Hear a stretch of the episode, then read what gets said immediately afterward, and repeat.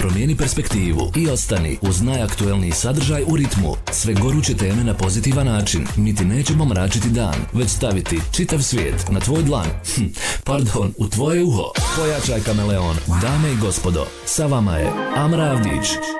Dobar vam dan, vi gledate i slušate Internaut Show. Danas u našem studiju je zaista poseban gost. On slavi za jednog od najboljih FIBA sudija. Također, sudio je nevjerovatno važne košarkaške utakmice. Bio je jedan od sudija na olimpijskim igrama u Tokiju, a kada kažem jedan, mogla bih reći i sigurno sam mu to jedan od najvažnijih. Dame i gospodo, danas u našem studiju gospodin Ademir Surapović, hvala vam što ste tu, velika je čast i zadovoljstvo. Hvala vam na pozivu i veliki pozdrav slušalcima i gledalcima.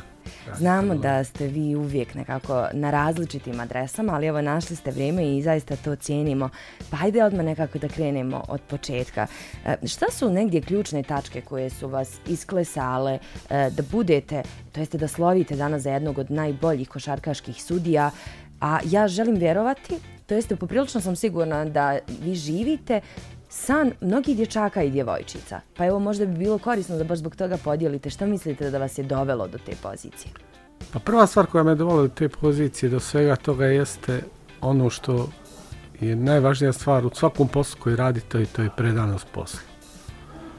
Ljubav i strast koju ste spremni da podarite tom poslu i koliko toga nema i ukoliko to postane jedan samoobičajeni radni dan svakodnevnica od 8 do 4, od 4 do 8 i postanete dio te svakodnevnice, onda od toga nema ništa. Ukoliko u svakom domom danu, košarkaškom danu, utakmici ne tražite novi izazov, novo dostignuće, ne možete dogurati do vrha, ne možete biti vrhunski sportski radnik, košarkaški sudija, isto je jedna čista stvar i sa sportistima, igračima koji isto tako ukoliko nisu predani onome što rade na terenu i van terena, koliko nisu predani da budu bolji iz dana u dan, da se usavršavaju, ne mogu ostvariti vrhunske rezultate. Znači, ljubav prije svega, strast prema poslu koji radite i predanost tom poslu.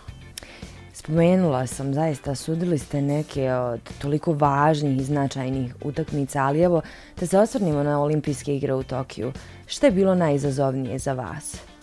Pa, najizazovnije za mene je bila ajmo reći, olimpijske igre su jedna specifikum, jer u terminu kojem su bili trebali biti odigrane desila se pandemija. I odmah e, po tom trenutku kad su i olimpijske igre suspendovane, suspendovane su bile i sve nominacije službenih lica za te olimpijske igre. Znači, vama niko nije garantuo da kad budu olimpijske se igre igrale za godinu dana, da ćete to sud jer suđenje na olimpijskim igrama zavisi od vaših posljednjih performansa koje imate u takmičenjima pod ingerencijom Međunarodne košarkaške federacije. Dakle, da sam u tu jednom trenutku bio osjetio razočarenje, ali isto vrijeme izazov, aha, sad je to izazov da potvrdim da nominacija za olimpijske igre sam je baš zaslužio.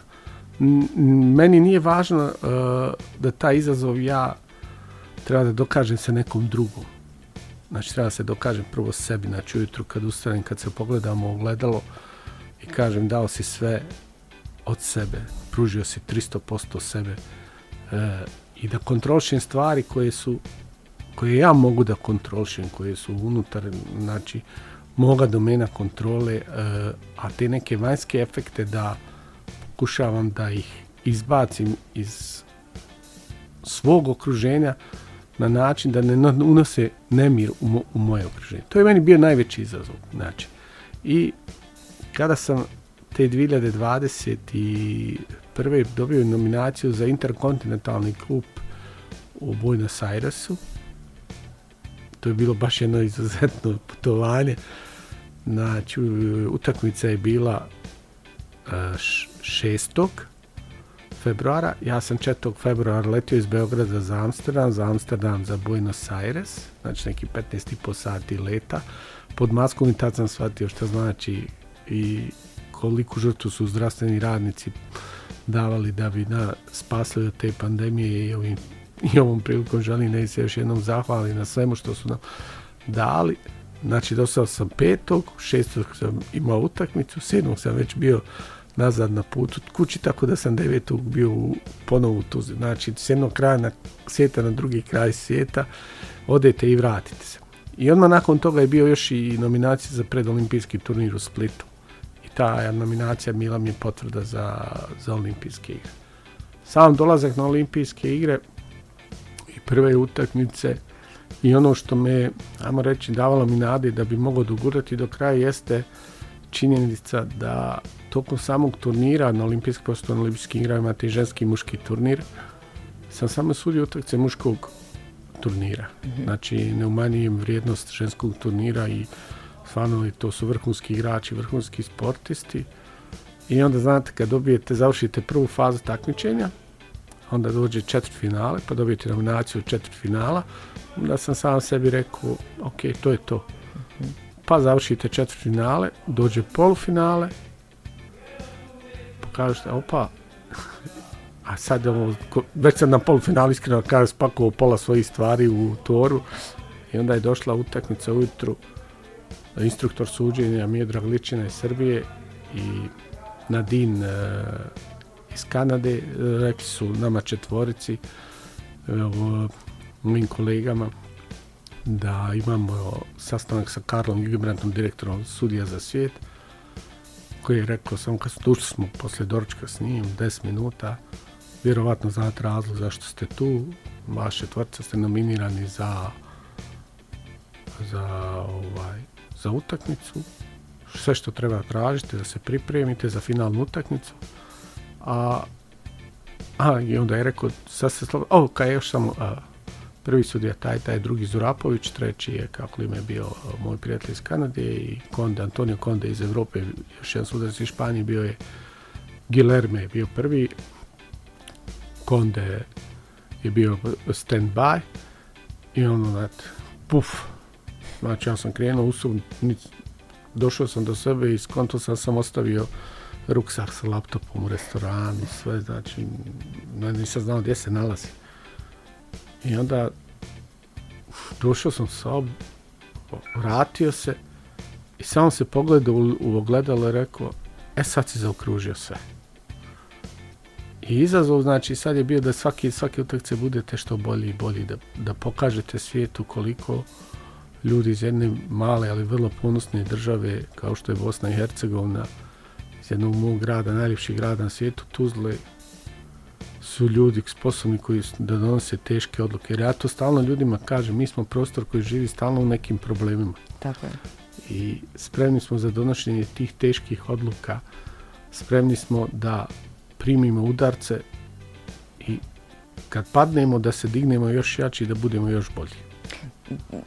Onda da li bismo se mogli složiti da je zapravo ovaj naš mentalitet odigrao vrlo važnu ulogu to da budete tu gdje jeste? Pa sigurno da je mentalitet odigrao vrlo važnu ulogu, mentalitet ljudi. Pazite, ovaj prostor, prostor bivše Jugoslavije je prostor, znači moj grad Tuzla je prostor koji iznjedrio dosta kvalitetnih sportista, ajmo reći od Rahmetli Kinđeta, Razimu Janovića, e, Razimu Janovića, ajmo iz košarke, iz radi Vinka Galušića iz, iz, iz, atletike, sad da ne spominje da ne nekoga zaboravio, ali vrhunske e, sportske radnike, kao na primjer iz, iz mog e, segmenta, segmenta suđenja, vi imate jednog čovjeka, pokojnog Zdravko Kurlića koji je bio slovio u vrijeme bivšoj Jugoslaviji među pet najboljih sudaca u Europi i u svijetu.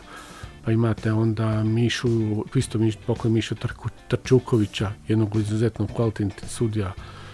Ozrena Seleskovića, sadašnjeg trenera koji je bio isto kvalitetnog sudija.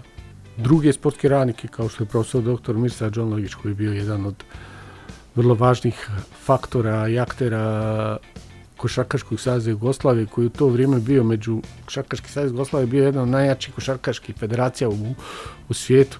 Prvi čovjek u to vrijeme Međunarodne košarkaške federacije bio vam je Bora Stanković. Čovjek zadužen za sudije, pokojni Bora, zadužen za studije e, Radomir Šarper, isto pokojni. Znači jedna plejada ljudi i, i ovaj prostor ima to. E, I mi smo ti koji, koji stvarno imamo tu žicu u sebi, znači koji smo spremni da, da izađemo i donesemo tešku odluku kada situacija traži od nas. Bez obzira o čemu da se radi, da li je sport, umjetnost, da li je e, normalni život, neki drugi poslovi, ali to je ono što ja vidim u okruženju ljudi s kojima ja živim i radim.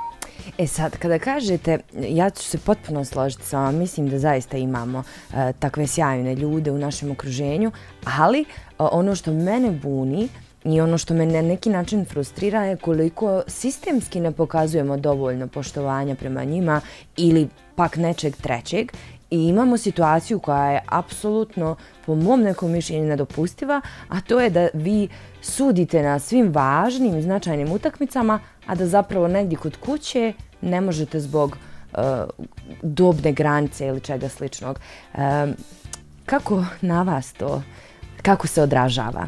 Pa pazite, ben, na mene se to ne odražava. Ja sam, ja sam to davno rekao, ja sam servis uh, klubova, servis košarke i uh, prošle godine odluka koju je donio Košarkaški zavez BiH je odluka koja nije bila u skladu sa internim regulativama Međunarodne košarkaške federacije, jer u toj sezoni 2022. 22 23 znači ja sam bio na Eurobasketu Španija, Španija je odigrala devet utakmica, ja sam odsudio 11, Španija je bila prvak Europe, znači dvije osmine finala, dva četvrtfinala, finale i finale, znači kroz sve faze takmičenja sam prošao, i opet sam dogurao tu gdje jesam i onda te se vratite se u Bosnu i neko, jer to su čisto lični odnosi. Znači ljudi po meni sportskih nisu ni sportski radni, ne mogu ih nazvati sportskim radnicima, već ljudi, to su ti ljudi nijednom na, u, u koje mi imamo isto, a koji nisu spremni da se suoče sa teškim odlukama. Od ovoga svega što se meni dešava, evo, navodno koliko ja imam informacije od strane upravnog odbora prošli petak je donešena odluka da me vrate na listu ali još uvijek ne sudim zašto ne znam to je u domenu komisara takćenja za sadašnji komisara takćenja gospodina Jadrana Lastovića ali znači ne mogu da svat, ne mogu prihvatiti za nešto što vrijedi za čitav svijet vi niste htjeli da prihvatite samo da to primijenite u Bosni i Hercegovini. Košarkaški savez Bosni i Hercegovini je od 93. član Međunarodne košarkaške federacije FIBE. U, I kao samim tim članstvom imamo i prava i obaveze. Mi samo često uzimamo prava, zaboravljamo obaveze. Tako je. I onda imate jedan statut Međunarodne košarkaške federacije, jedan član koji je vezan za članove košarkaške, Međunarodne košarkaške federacije, statut FIBIN, tom članu 9 ima jedan e, a, a, isto član koji govori o tome da statut i interne regulative Međunarodne košarkaške federacije FIBE su dio dokumentacije košarkaškoj nacionalnih federacija. I ukoliko dođe do konflikta, starije su FIBIN regulative. Mi imali smo u našem pravilniku da e, osobe starije od 50 godina ne mogu da nastavi da sude u BiH, ali ja nisam u tome jer imam izuzeće koje sam dobio od FIBE. Druga stvar, meni je licenca za, na međunarodnom takčenju produžena do 25. Jedan sam od pet sudaca u svijetu koji je dobio to produženje, koje je dobio, to je čisto odobrenje Karla Jugenbrata, jer sam ispunio tri uslova koja su bila važeća, to je da imam važeću crnu licentu, da sam u prehodnom periodu imao crnu licencu i da sam na glavnim fibinim takmičenjima, a to su olimpijske igre, predolimpijski turniri, svjetska prvenstva, zonska prvenstva, odnosno evropska, bio ocijenjen iznad standarda. Sve ime onim što sam sudio, bio sam ocijenjen iznad standarda. I onda se vratite ovdje i onda dešava se. I onda se desi skupština, ja se obratim na skupštini.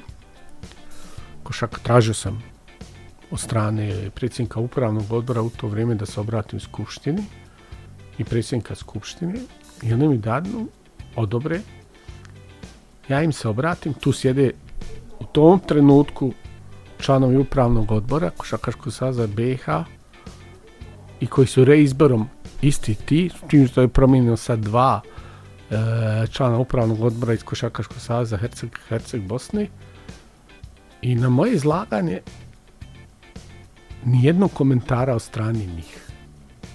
Jedini komentar je bio jednog člana Skupštine Košakaškog saza BiH iz člana iz Vokošće, Muri, Muriza, koji je kaže jednom truku, znači Zurape, tako je moj nadimak, oni me -hmm. zovu tako, kaže, ćeš ti sada meni reći da ti koji si sudio finale Evropskog prvenstva nećeš sud prvenstvo BiH? Ja kažem da. I najinteresantnija stvar u svemu poražavajuća je stvar da od neke 2002. ja sam aktivno učestvujem kao edukator i moderator na, na svim seminarima Košakaškog saza BiH. Pred prvenstvo učestvujem u edukaciji službenih lica i od 2018. imam licencu FIBA uh, referee instructor program instruktora suđenja za nivo 1. FIBA me angažuje u Sarajevu na PNR-u, na klinici za potencijalne nacionalne sudije, da budem kao jedan od moderatora edukatora.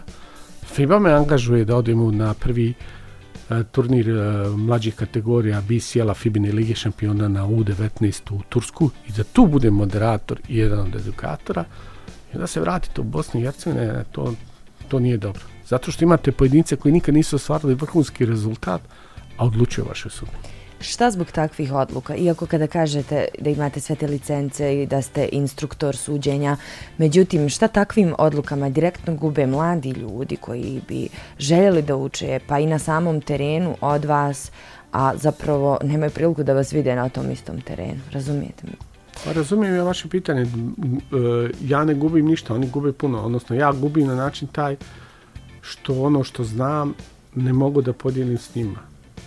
Jer ja sam to davno rekao i stalno ponavljam da moju biblioteku znanja koju ja imam u svojoj glavi i svoje iskustvo koliko ne podijelim sa drugima, ja ću sam najsiromašniji čovjek na svijetu. Ja to redovno dijelim za sve one koji žele, ali stvari moraju biti sistemski određene. Ko su ti ljudi i koji su ti ljudi koji trebaju da vrše edukaciju? Ko su ti ljudi koji treba da uh, sudijama, službenim licima, komesarima pronose ono što su nove tendencije. Ja ću mogu otvoreno reći, ja sam to rekao, problem koji je bosansko-herskoviću suđenje da mi nemamo elemenata modernog košarkaškog suđenja koje se koje je u Evropi u ovom trenutku nemamo više tako, ajmo reći, takmičarsku ligu, takmičarski karakter lige i to je ono, daj samo da se završi. Mm -hmm. I to je ono što nas može koštati u skoroj budućnosti puno, klubove, službena lica, košarku, generalno govoreći.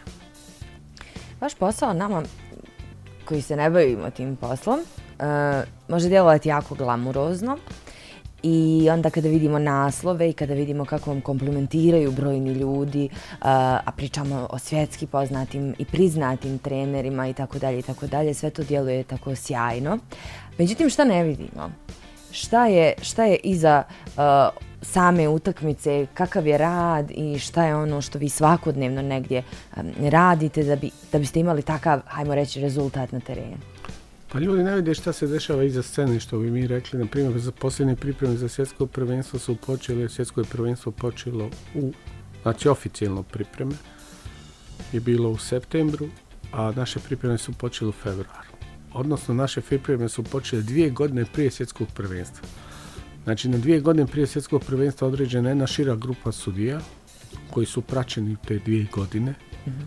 kako sude, šta sude, koji su edukovani kroz takmičenja koja sude i da li imaju kvalitet za svjetsko prvenstvo. Kroz znači same kvalifikacije za svjetsko prvenstvo, pa zatim Eurobasket, pa Fibinu ligu, liginu šampiona, pa ljetne turnire kao što su U19, U20. Sve su to detalji gdje se vrši selekcija službenih lica. Jer ljudi zaboravljaju jednu stvar, na primjer, povlače, znate, paralelu sa svjetskog prvenstva, znate, onda dođe neko kaže, znate, na svjetskom nema najkvalitetnijih sudija, nema sudaca sa Eurolige, to su moje kolege, ali ja, ko što ja ne sudim njihovo takmičenje, tako ni on ne mogu da sude moje takmičenje, tako ne možemo da govorimo o tome ko je kvalitetniji, ko je bolji. Znači, mi smo servis, jedni i drugi smo servis, servis košarke. Ovaj, ali pripreme, od fizičkih priprema kad smo krenuli u februaru,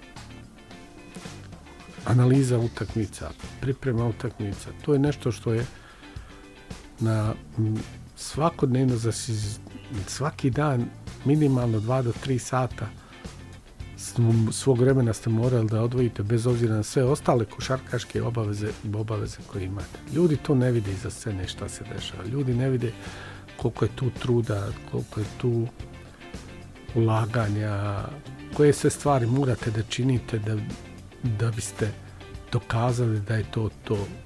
Znači, za svjetsko prvenstvo dva imena su promijenjena na, na, konačnoj, na konačnoj listi konačnoj listi sudija. 44 suca su bila na početku svjetskog prvenstva nakon prve faze. E, nas je ostalo 18 26 20 26 sudaca je vraćeno kući.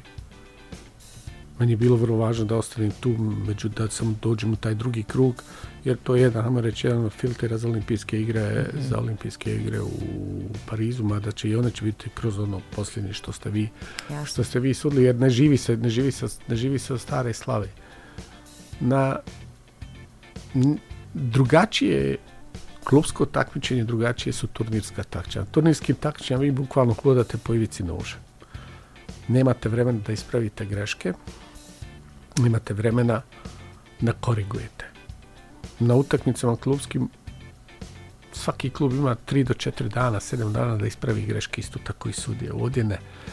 I onda smo po mnogo većom lupom nego što su, nego što su klubska takmičenja i to je nešto što jedan pritisak s kojim morate da se borite. Da koliko je moguće da glavu nakon utakmice očistite, ali isto tako da date adekvatan i tačan odgovor kada se neko nešto pita. Ja, ja stalno, stalno pričam taj jedan detalj koji se nakon finalne utakmice u Tokiju sam išao do roka našeg referee operation centra da im dam USB odnosno disk, disk da mi danu uh, snimak utakmice sa odlukama i naletim na direktora suđenja Karla i mi kaže ovako, znaš, kaže, zabrinuo si mi, otvorio si utakmicu sa dvije lagane odluke. Rekao, znam, rekao, za kucavanje Gumpera i za kucavanje Duranta. I njegov ovaj razgovor je završen. Znači, kada ste na top nivou i kada neko pita od vaših saradnika ili vaših pretpostavljenih, on očekuje iskren i tačan odgovor od vas. Jer bilo kakav traženje alibi, ali nečega, ne pije vode. I biti dosljedan sebi. Da. Imate li neostvarenih profesionalnih želja, mada mi se čini kao i nemoguće u ovom trenutku? Pa nemam, pazite, ja, ja sam tri knjige, što bi rekao, otvorio, pročitao i zatvorio. Znači, svjetsko prvenstvo Kina, četvrtfinale, polfinale, utakcu za treće mjesto. Olimpijske igre, četvrtfinale, polfinale, finale. Eurobasket, kao što sam rekao, znači ta tri najveća svjetska takmičenja Fibina, ne računajući sve ono ostalo, jer iza mene je 16, 16 velikih Fibinih takmičenja. I ja sam to zatvorio. Mi nemam neostvarene želje. Neostvarene želje su možda naredne budućnosti da radi sa sudijama na tom top nivou, mhm. da, se, da, da sada svoj setup svog mozga, svojih razmišljanja, misli, mind setup usmjerim polako, usmjeravam tom pravcu. Jer suditi, gledati košaku i nekog me sugerisati nešto su dvije različite stvari. Znači morate, ne smijete dozvoliti da onom trenutku kad prestanete karijeru i ako nastavite da se bavite tim poslom edukacije, obzervacija, da razumijete te svoje kolege. Ne smijete biti neko ko će, a ja sam sada taj koji vama nešto gleda. Ne, ne, ne, ja sam vaš tool, vaš, vaš alat koji treba vam ukaže na ono što je bilo dobro i što je bilo manje dobro. I da vam probam da vas usmjerim kako da to ispravite, odnosno kako da gledate situaciju iz, iz mog ugla. Jer ja kad imam komentar od strane obzervera, ja onda opet svaki put nastavim da vidim zašto on to, to meni kaže. Šta je pozadina toga i šta je dobro u svemu tome. Jer video ne može slagati. Znači vam ako neko pusti video, video ne može slagati. Ne možete sad reći ne, ne, ne. Znači, bilo kako traženje alibija pokazuje da ste vi, vašu slabost, vašeg karaktera, da prihvatite drugo mišljenje. Da prihvatite drugu, drugu stranu. Jer onaj, ovaj posao daje vam ogromnu moć. Ima jedna fenomenalna rečenica iz filma Spider-Man kada stric mu kaže kaže što ja kažem, ja ne znam posao u, u svijetu koji kad unete jedan komad plastike sve staje. E to je ono što taj u Spider-Man kaže, sa velikom moći dolazi još veća odgovornost. E to je ono što, što, što je za mene moj, moj moto, košarkaški moto u suđenju, moć i odgovornost. Koliko niste spremni to dvoje da povežete, nemojte se baviti ovim poslom. Sada bi bilo najprikladnije da ja završim ovaj naš razgovor, ali ne mogu da ne napravimo jedan pun krug, iako ste jako puno toga pod, uh, podijelili i niste bili sebični, ponovo hvala vam na tome, ali evo mladi ljudi koji bi željeli poći vašim putem, kako da kroče njim um, i da zaista ostvare pun potencijal? Prije svega da budete svoji. Ne mijenjajte se zbog drugih. Znači, uvijek budite to što jeste, budite original, bilo kojim poslom. Jer svaka kopija može biti samo loša. Nikad ne može biti dobar original. Može samo biti loša. Držite do sebe, držite do svog karaktera, do svog integriteta. Budite spremni da prihvatite udarce i ne krivite druge za loše stvari u životu. Kontrolišite ono što je u vašoj moći da kontrolišete. Ne dozvolite da ono što vi možete da kontrolišete, da vam neko drugi kontroliše. Budite svjesni situacije, budite svjesni trenutka, jer, kako kažu, prepoznajte trenutak, tu šansu kada dobijete. Taj, je, taj shiny moment kada treba da pokažete koliko vrijedite, jer nije velika razlika među sudije i sudije. Kako misliš sudije? Pa tako me pita, rekao, nije velika sudije i sudije. Razlika je samo u tome koliko je neko spreman da prepozna taj shiny moment. Jer on se neće ponoviti. I ono što sam rekao na početku ovog razgovora. Volite posao koji radite, budite mu predani i pokažite strast i ogromnu ljubav prema tome što radite. Hvala vam mnogo na ovoj razgovoru. Rekla bih, ne znam da li vas ova država zaslužuje, ali znam da vas ovi ljudi jako puno cijene i vole i da, da nas smo ponosni što možemo da kažemo da ste naš. I evo, nadam se nekom drugom prilikom da ćemo razgovarati o nekim novim sjajnim uspjesima koje ste postigli. Hvala i vama još jednom na pozivu i svako dobro vam želim. A hvala i vama što ste bili uz nas. Vidimo se naredni put. Promijeni perspektivu i ostani uz najaktuelniji sadržaj u ritmu. Sve goruće teme na pozitivan način. Mi ti nećemo mračiti dan, već staviti čitav svijet na tvoj dlan. Hm, pardon, u tvoje uho. Pojačaj kameleon. Dame i gospodo, sa vama je Amra Avdić.